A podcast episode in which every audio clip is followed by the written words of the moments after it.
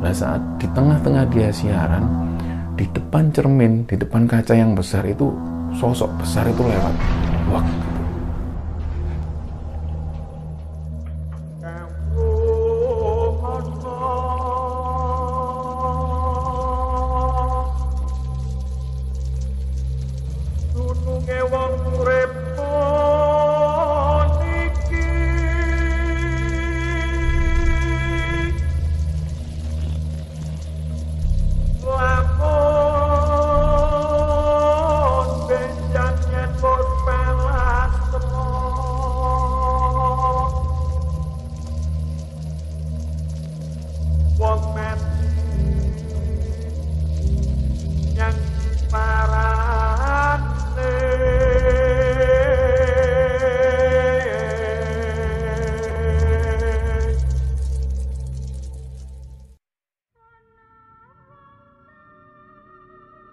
Jadi cerita ini eh, kiriman dari sobat kembara yang bernama Doi di Malang.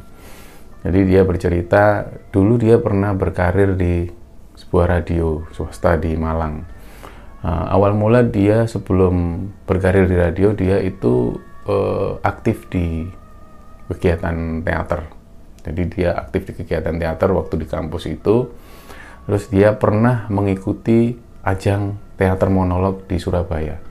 Jadi waktu itu ajang teater monolog diadakan di Surabaya, tepatnya di gedung pertunjukan Cak Dur Hasim waktu itu. Nah, entah kenapa kala itu dia mengalami satu keputusasaan gitu di dunia teater itu karena pada waktu itu setelah pementasan dia mm, mengalami banyak kritikan dari aktor-aktor teater senior gitu. Hal itu yang membuat dia agak putus asa. Kemudian ketika kembali ke Malang, kembali ke kampus, dia eh, nggak mau lagi terlibat di atau nggak mau lagi aktif di kegiatan teater. Nah, beberapa seniornya itu menyarankan untuk eh, doi kamu lebih baik me- mempelajari lagi atau memperbaiki kualitas vokalmu. Siapa tahu kamu bisa eh, berkarir di dunia radio, dunia broadcasting. Dari situ, dari usulan seniornya, kemudian si Doi mulai belajar nih, belajar untuk uh, penataan vokal dan lain-lain. Kemudian dia masuk di radio kampus. Jadi ada radio kampus itu, dia sekitar satu tahun di radio kampus. Kemudian ada salah satu senior di radio kampus itu yang punya link di salah satu radio swasta di Malang. Nah, dari eh, rekomendasi seniornya Doi ini, kemudian Doi bisa dapat kesempatan magang di radio swasta itu. Nah, di hari itu saat pertama kali Doi datang di radio, kesan pertamanya radio itu berdiri di bangunan Belanda gitu. Jadi ada satu parkiran, terus ada tower tinggi di situ.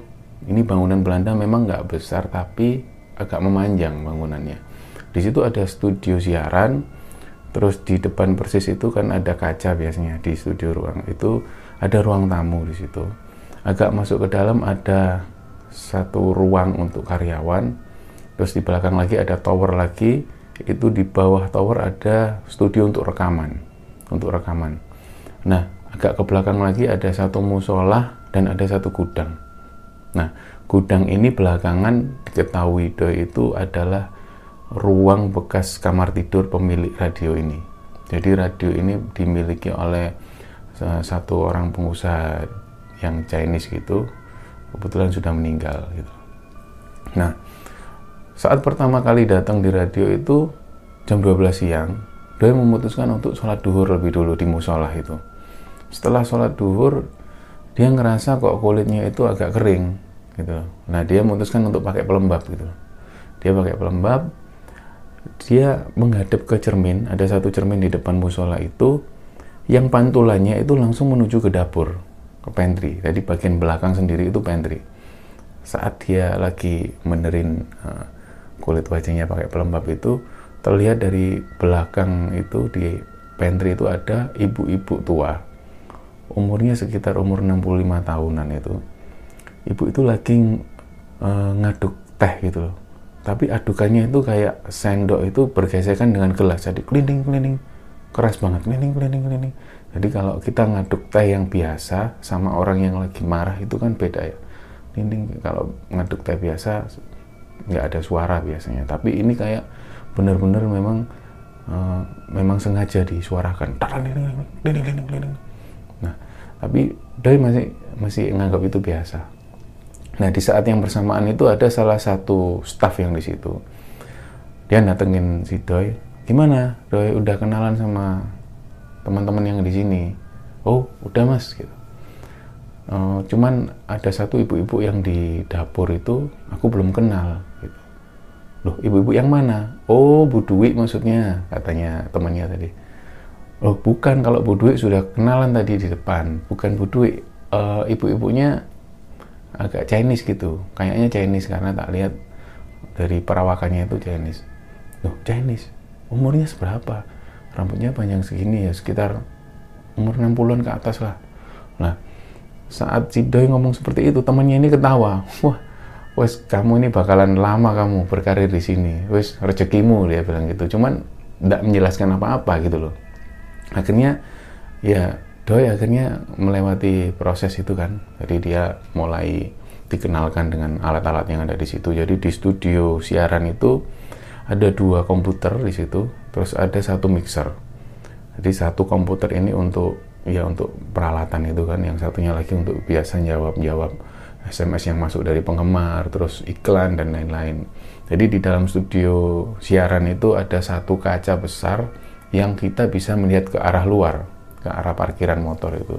Dan satu eh, kaca lagi yang besar itu menghadap ke ruang tamu gitu kan.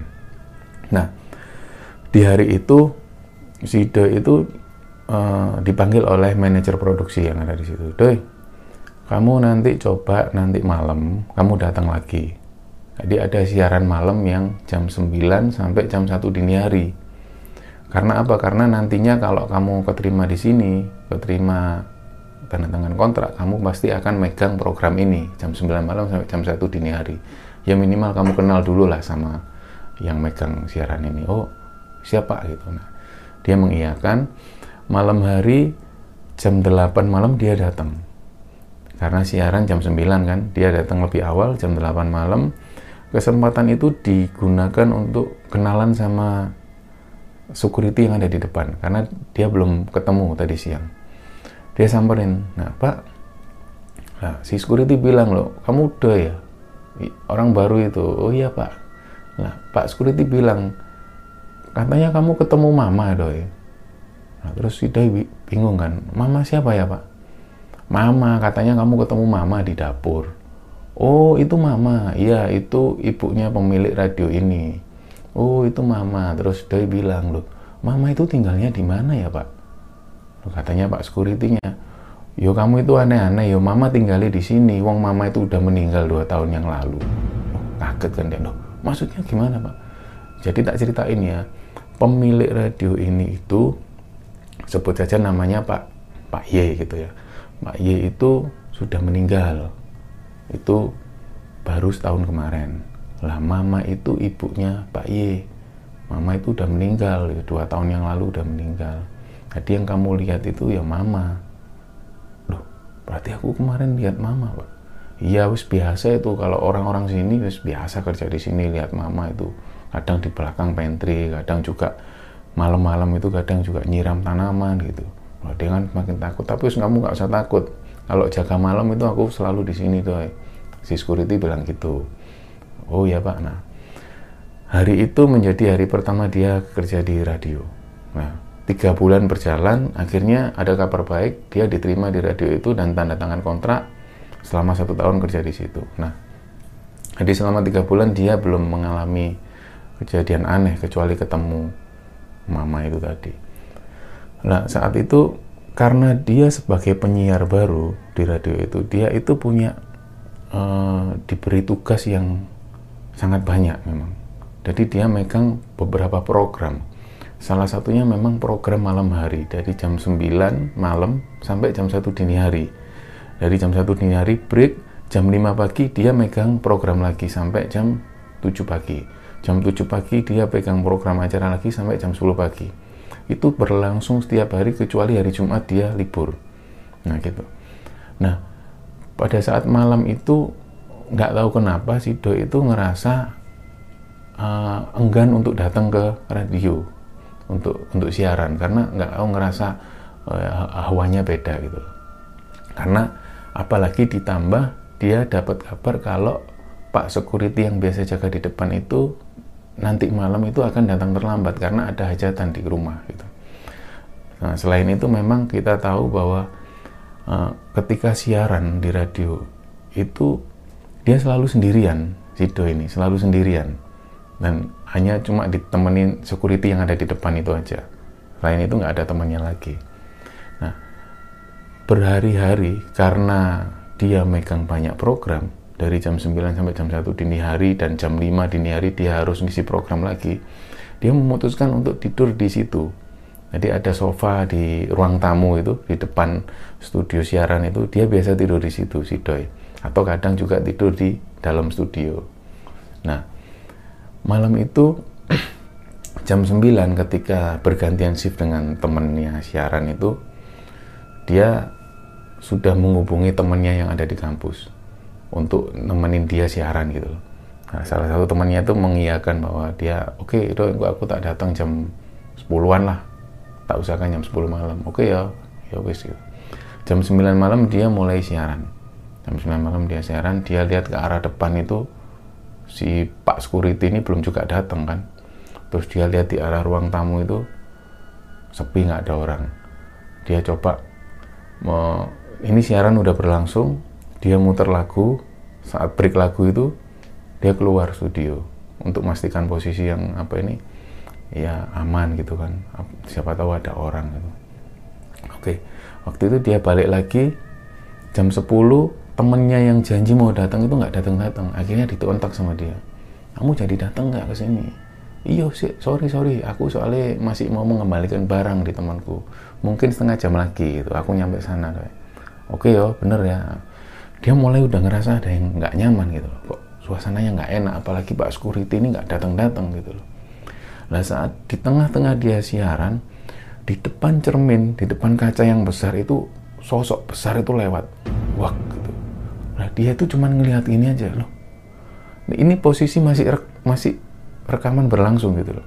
Nah ini infonya kan gini, jadi karena Doi ini penyiar yang baru, jadi selama dia melakukan proses siaran, itu harus direkam gitu loh untuk dievaluasi lebih lanjut oleh manajer produksi. Nah, jadi selama rekaman itu dia direkam, dia terus dievaluasi sama tim. Nah, saat dia melalui proses siaran itu ada sosok bayangan hitam itu lewat di depan kaca besar itu dari ruang tamu itu. Ngomong, nah dia kan diem. Akhirnya dia ambil HP terus ngubungi temennya itu. Bro, kan Merenio bro, cepetan bro, ke sini bro, cepetan bro. Tolong bro, iya iya aku lagi di jalan ini sebentar. Apa? Bisa beneran ini aku wedi ini, aku takutan ini, ketakutan aku. Ada bayangan besar aku, tolong tolong. Nah, jadi dia mulai panik. Dia mulai panik, dilihat lagi ke arah depan itu security belum juga datang yang biasa jaga di situ. Nah, terus tiba-tiba itu pintu studio itu tiba-tiba ada yang menggerakkan cak cak cak cak cak cak dulu cak cak cak cak cak, cak. Uh, dia semakin tegang dan secara bersamaan itu HP yang semula baik-baik aja itu tiba-tiba itu baterainya drop dan mati. Jadi dia itu nggak bisa hubungin temennya pada waktu itu. Nah dia itu akhirnya bingung mau ngambil posisi apa bingung. Terus akhirnya dia nyoba ambil alih komputer yang biasa untuk membalas membalas si apa ini penggemar SMS dari penggemar itu. Ketika mau dia mau balas itu ternyata keyboardnya itu juga nggak bisa gitu. Nah saat yang panik seperti itu kejadian itu hampir 10 menit berlangsung terus dia ngelihat dari arah luar temannya datang. Uh dia mulai ngerasa lega. Nah jadi temannya masuk sambil senyum gitu masuk langsung masuk ke studio. Nah tiba-tiba itu HP yang semula tadi uh, drop dan error itu mati itu tiba-tiba nyala lagi normal lagi dan baterai itu indikasinya masih 83 persen anehnya di situ begitu temennya datang dia bilang kamu kenapa deh kok pucat gitu wah barusan aku dilihatin pak sosok tinggi besar gitu lewat depan walah ya wes lah. Wes tenang aja malam ini kamu tak temenin gitu kan oke malam ini berlalu kan? Malam ini berlalu. Di beberapa minggu kemudian dia mengalami situasi yang sama. Nah security ini pak security ini izin datang terlambat karena ada keperluan. Seperti itu bilangnya. Nah dia mulai panik lagi. Waduh malam ini sendiri lagi aku dia coba kontak temennya yang biasa nemenin itu. Kamu nanti temenin aku ya aku mau siaran. Nah kebetulan temannya ini bisa datang bisa juga tidak karena nggak bisa janji. Aku sorry nggak bisa janji karena aku juga masih ada keperluan gitu. Ya usah no datang lah gitu. Ya wes nanti lah tak usahain. Nah malam itu ketika dia siaran menginjak jam setengah 12 malam itu itu tiba-tiba itu ada telepon masuk. Ada telepon masuk diangkat halo selamat malam. Radio ini dia nyebutin radionya. Mas ada bapak-bapak bilang di telepon itu mas boleh nggak aku request lagu? Dia bilang gitu. Oh mohon maaf pak. Kalau request lagu itu biasanya tadi jam 7 sampai jam 9 malam. Kalau ini sudah beda programnya. Ini dengan dengan saya doi gitu kan tapi aku ini suka sama lagu ini. Ini lagu oldies lagu nostalgia. Iya pak. Mohon maaf pak ya. Nanti bisa di program yang lain. Ini program saya ini bukan program yang lagu-lagu oldies akhirnya ditutup kan teleponnya. Tutup dia nggak curiga. Nah kenapa sih doi ngerasa takut seperti itu? Karena ada info dari karyawan karyawan-karyawan yang sudah lama di situ bahwa pemilik radio itu yang sudah meninggal itu dia itu suka sama satu lagu oldies. Itu judulnya My Way. Ya judulnya My Way. Nah kenapa lagu itu jadi menakutkan? Karena uh, ada kisah sendiri lah di balik itu. Ada kisah sendiri. Dan semua penyiar yang ada di radio itu sudah sepakat kalau ada yang request lagu My Way lebih baik nggak usah diputerin daripada nanti terjadi hal-hal yang tidak diinginkan gitu loh dia begitu dia menutup telepon dia ingat gitu loh. Loh lagu oldies jangan-jangan aku my way gitu. Ah enggak ah enggak mungkin. Akhirnya dia mulai siaran lagi. Tetap siaran seperti biasa. Jam itu sudah menunjukkan jam 12 malam. 12 malam. Jadi nggak lama setelah telepon ditutup itu telepon itu ber berdering lagi. Diangkat sama dia. Awalnya nggak curiga diangkat seperti biasa. Lah suara bapak-bapak ini tadi. Halo mas tolong mas saya diputerin lagu ya oldies yang tadi loh. Iya pak mohon maaf pak. Kalau lagu-lagu oldies program acaranya bukan program acara saya tapi tadi jam 7 malam gitu. Udah lama mas nyanyiin aja. Kenapa? Kamu nggak tahu lagunya. Bapak ini bilang seperti itu. Oh lagu apa sih pak? Bapak ini nyebutkan lagu My Way gitu. Langsung kaget ya. Oh pak mohon maaf pak. Saya nggak tahu pak lagu itu. Loh bentar bentar bentar. Kamu nggak tahu Iya saya nggak tahu, tak nyanyiin ya, dinyanyiin. I did it my way. Langsung ditutup teleponnya, terus dia lari keluar kan, keluar ke arah depan itu di jalan raya itu dia bingung tolak tolak gitu. Sampai siaran ini terbengkalai gitu. Siaran ini sampai terbengkalai. Akhirnya ketika dia uh, mau balik ini, si security ini baru datang sekitar jam 12 lebih baru datang. Pak, ya Allah pak sampai ini dari mana aja pak? Aku dari tadi nungguin sampean. Kenapa mas doi? Waduh pak barusan aku dapat telepon diceritain kronologisnya seperti ini. Wes ayo sama aku yuk tak anterin. Jadi dianterin jam satu kan selesai tuh. Jam satu dini hari selesai. Nah dia nggak istirahat di situ tapi dia jagongan sama security di depan. Dia begadang sampai pagi itu malam itu seperti itu. Nah hal itu akhirnya ketika kalau dia mau siaran malam dia akhirnya ngerasa takut gitu loh. Selalu minta temen. Dia lapor ke manajer produksi. Mohon maaf pak pada hari itu pada malam itu saya siaran itu terbengkalai karena ini. Gangguannya seperti ini ini. Nah manajer produksi yang ada di situ dia nggak mau tahu gitu loh. Mas namanya kesalahan teknis itu pasti selalu ada intinya manajer produksi nggak mau tahu gangguan seperti apa, mau gangguan gaib atau apa, dia nggak mau tahu. Artinya uh, kemarin siaranmu itu gagal total pada malam itu. jadi kamu biarkan itu apa ini siaran itu terbengkalai seperti itu. Ya pak mohon maaf pak nggak akan saya ulangi lagi dia bilang gitu. Ya wes lah. Saya nggak mau ada alasan lagi ada kesalahan teknis atau apa itu biasa. Jadi yang jelas kamu harus memperbaiki. Ya pak siap ya. Di malam selanjutnya dia itu uh, ada proses rekaman gitu kan rekaman suara yang harus dikirimkan ke manajer produksi. Dia masuk ke ruangan studio rekaman di belakang itu. Waktu itu belum malam tapi memang nggak banyak orang. Dia mulai rekaman. Ketika didengarkan kembali itu terdengar ada suara kayak orang lagi ngobrol gitu loh memang dengar suara si doi ini dengar. Cuman kayak di belakang itu ada kayak suara yang orang ngobrol bisik-bisik itu kok aneh ya? Diulangi lagi dia recording. Diulangi lagi dia ngerekam. Terus didengarkan lagi masih ada suara itu. Kayak orang lagi ngobrol berisik-berisik gitu sambil bisik-bisik. Akhirnya dia berpikir gini apa mungkin AC ya tapi kan ini studio rekaman ini kan AC selalu nyala gitu. Tapi wis nggak apa-apa wis. AC dimatikan sama dia AC dimatikan. Jadi benar-benar senyap terus dia nyoba ngerekam lagi ngerekord lagi.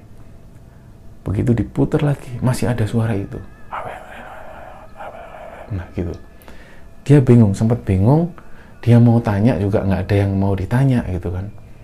Akhirnya dia coba wes inilah ini terakhir aku nyoba ngerekord kalau nggak bisa aku baru telepon manajer produksi gitu. Oke dia ngerekord untuk terakhir karya begitu direkod begitu didengerin lagi masih ada suara yang tapi di tengah-tengah itu malah ada suara teriakan bentakan gitu loh. Begitu diputer itu memang dengar suara doi tapi ada suara bisik-bisik. Tapi ada suara eh gitu. Langsung dia dilempar kan headphone dilempar terus dia keluar dia lari ke pak security tadi pak jangkrik aku di gareman ya pak? Gare apa mana itu? Aku ngerekam itu ada suara orang bisik-bisik terus sambil bentak pak. Loh iya tak ayo ayo coba coba. Nah security ini penasaran. Coba tak dengerin. Begitu didengerin bener ada suaranya. Doi ini ngerekam dia ngobrol seperti biasa tapi kayak di belakang ini ada suara orang bisik-bisik dan di tengah-tengah itu ada suara bentakan itu tadi. Gitu langsung Pak Security juga ngelempar headphone-nya. Saya ayo tunggu tunggu. Nggak beres sih nggak beres. Dia keluar. Besoknya dia lapor lagi ke manajer produksi bahwa ada gangguan semacam ini dan ketika manajer produksi mendengarkan itu memang persis ada suara bisik-bisik dan ada suara bentakan itu memang iya. Tapi manajer produksi lagi-lagi tidak mau tahu. Itu mungkin ada gesekan apa habis pokoknya secara teknis ya dia menjelaskan. Nah oke kejadian itu berlalu dan beberapa bulan kemudian itu ada pagelaran di Malang itu yang namanya nama acaranya itu Malang Tempo dulu. Jadi di situ ada kayak pasar-pasar malam hiburan dan lain hiburan rakyat dan dan kebetulan radio yang di tempat Doi kerja itu itu juga ikut andil di acara itu di Malang Tempo dulu itu. Jadi uh, mereka punya acara ada satu boneka jelangkung. Jadi ini permainan rakyat sebenarnya. Di tahun 60-an itu ada permainan rakyat yang terkenal itu. Dari jelangkung itu bahannya itu dari kurungan ayam itu. Terus ada bambu dan batok kelapa, terus lalu kemudian dipakai baju seperti manusia. Nah, radio itu mengeluarkan atau menampilkan acara itu, acara pagelaran jelangkung itu. Namanya Nyiputut dan Kiputut. Jadi pasang suami istri tua gitu.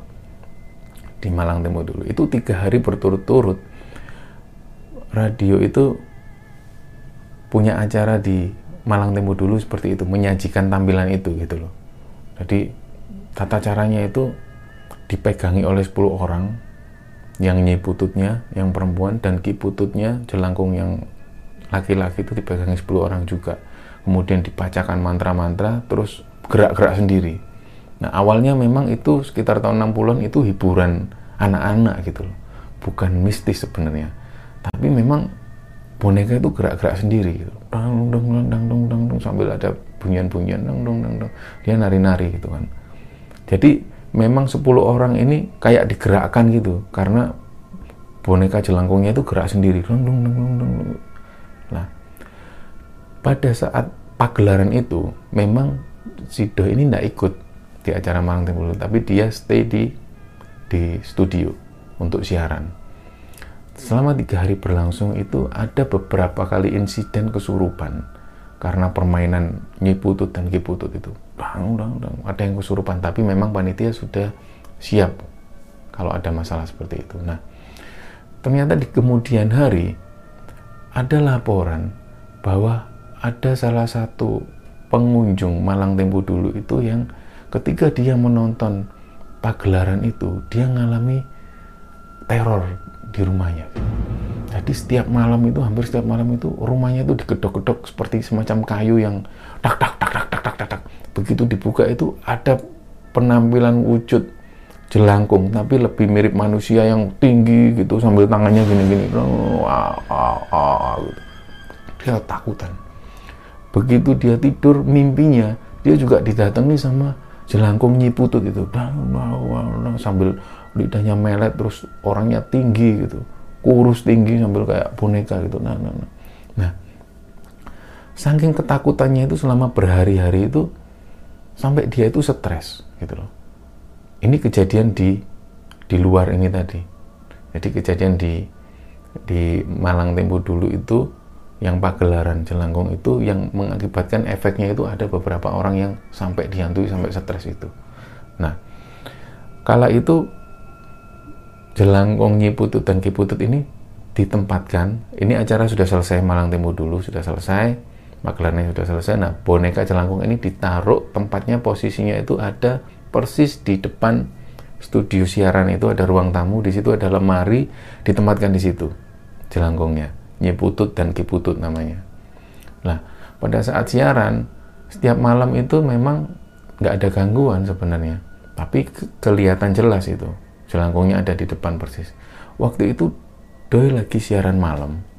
Ya lagi siaran malam sambil ngadep depan kan otomatis ngadep ke ruang tamu. Terus tiba-tiba itu boneka jelangkung ini jatuh. Yang nyiputut yang perempuan lodak gitu tuh dibiarin sama dia nggak lama hanya berselang 10 detik dari itu boneka yang kiputut ini jatuh juga lodak nah dia tidak seberapa takut. Kenapa? Karena ketika dia ngelihat ke arah depan, ini bapak security yang biasanya jaga di situ, ini lagi siram-siram tanaman malam-malam itu jam 12-an itu bapak security dilihat lagi siram-siram tanaman. Jadi dia nggak seberapa takut. Oh tenang, ada bapak security itu. Nah tapi setelah siaran itu ada jeda iklan, dia keluar dari studio untuk maksudnya membenarkan lagi letak posisi boneka jelangkung itu. Dan anehnya ketika boneka jelangkung itu diletak, diletakkan lagi di lemari dengan rapi gitu kan, kiputut dan nyiputut itu. Ketika dia membalikkan badan mau balik ke dalam studio, itu ada bisikan suwon yo mas. Jadi suara kakek-kakek dan nenek-nenek yang bilang seperti itu. Tiba-tiba dia merinding gitu kan. Merinding, terus dia noleh ke arah depan, arah belakang nggak ada siapa-siapa. Dia kemudian keluar menuju ke bapak security itu. Pak jadi dia diceritakan aku tadi itu kan boneka jelangkung itu kan jatuh tak benerin tak kembalikan ke tempatnya. Tapi kok pas tak kembalikan itu ada yang bilang suwon ya mas gitu. Nah bapak security ini bilang oh mas malam ini tak kembalikan aja ke pemiliknya karena memang ini ada yang punya gitu boneka jelangkung ini pada saat acara Malang Tempo dulu itu sengaja dipinjam untuk pagelaran itu. Akhirnya malam itu dikembalikan sama Bapak Security itu dikembalikan. Nah, malam itu juga uh, si Doi rekaman sampai jam satu dini hari. Kemudian dia istirahat di situ seperti biasa. Nah, besok harinya dia siaran malam hari juga jam 9 malam sampai jam 1 dini hari. Jam 11 malam ada salah satu temennya yang biasa ngurusi studio rekaman itu datang loh kok tumben dia datang terus Jidoy nyamperin. Loh mas kok datang jam segini? Ngapain? Iya aku ada tugas untuk naruh apa ini program iklan gitu. Oh ya wes gitu. Nah, dia masuk di studio rekaman. Biasanya memang kata do itu oh, kalau dia masuk di studio rekaman ini studionya ditutup dikunci dari dalam gitu loh. Nah pada saat si Doi siaran sekitar jam setengah satu dini hari itu security ini datang masuk tiba-tiba itu ngetuk pintu studio terus dia bilang doi doi tolong doi. Itu loh mas jadi menyebutkan nama yang mas yang tadi ada di studio rekaman. Itu loh tolong lihatan jadi ternyata dia tuh ngelihat temannya yang tadi masuk di studio rekaman itu itu ada di atas bak mandi dia tuh sambil tidur pulas gitu loh. Tidur pulas ada di atas bak mandi toilet belakang. Nah dibangunin mas mas mas tangi mas bangun mas. Begitu temannya bangun loh aku kok nang kini aku kok di sini tuh iyo makanya itu langsung berbondong-bondong mereka bertiga ini menghampiri studio rekaman. Dilihat itu studio rekaman itu HP-nya barang-barangnya mas ini tadi masih ada di dalam. Jadi pintunya juga masih terkunci dari dalam. Anehnya gitu. Jadi dia mengalami uh, dipindah gitu loh. Dia dipindah oleh nggak tahu oleh makhluk atau apa dia dipindah di toilet tidur pulas di atas bak mandi. Loh sampean ceritanya gimana mas kok bisa ada di atas bak mandi? Yo nggak ngerti aku. Ya aku tidur gitu aja. Tiba-tiba yo kalian bangunin aku ngerasa ada di depan di, di atas bak mandi itu. Herannya kunci itu masih nempel di dalam dengan posisi terkunci jadi nggak bisa dibuka dari luar gitu. Nah kejadian itu akhirnya jadi jadi omongan oh, orang-orang yang kerja di situ kan banyak gangguan-gangguan yang dialami nah nggak lama setelah itu setelah kontraknya si Doi ini selesai si Doi sudah nggak melanjutkan lagi untuk kerja di radio. Tapi dia memutuskan untuk karir di bidang lain tapi dia ngajar di satu sebuah sekolah gitu. Nah kejadian itu diceritakan kembali ke Kembara Sunyi untuk Eh, mengingat lagi kenangan-kenangan waktu itu karena itu adalah pengalaman mistis pertama kali yang dialami oleh si Doi. Makanya dia berusaha menceritakan ini, cerita ini di Kembara Sunyi.